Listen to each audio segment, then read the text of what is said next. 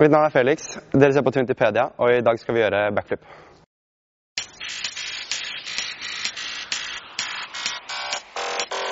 Halla, dette er Øystein Bråten, og du ser på Twintipedia. Hei, mitt navn er Alexander Erdal. Liksom. Da skal vi se hvordan det er å kjøre på harde sementer.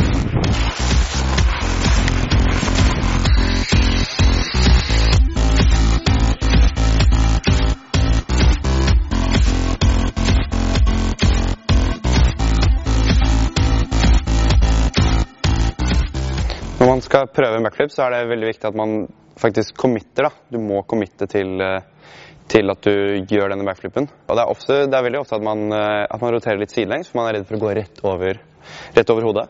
Og det er greit liksom når du prøver at, at du går litt til siden og sånn, for det er ikke noe farlig i det. Men skal du gjøre en ordentlig backflip, så må du gå rett bakover.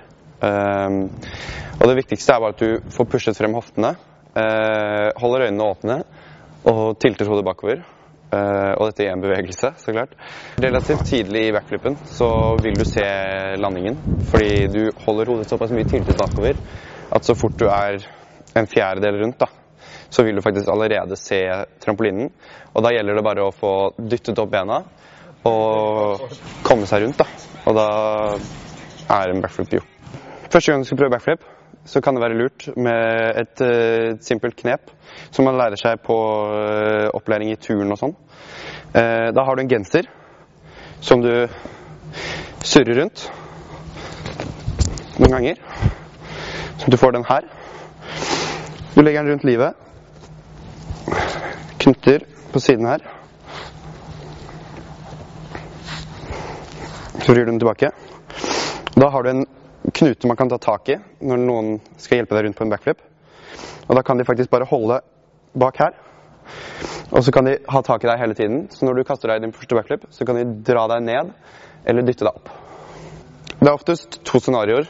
Eh, Det er enten at, eh, at man kaster seg litt for lite, og man kaster seg høyt, og så blir man liggende på ryggen.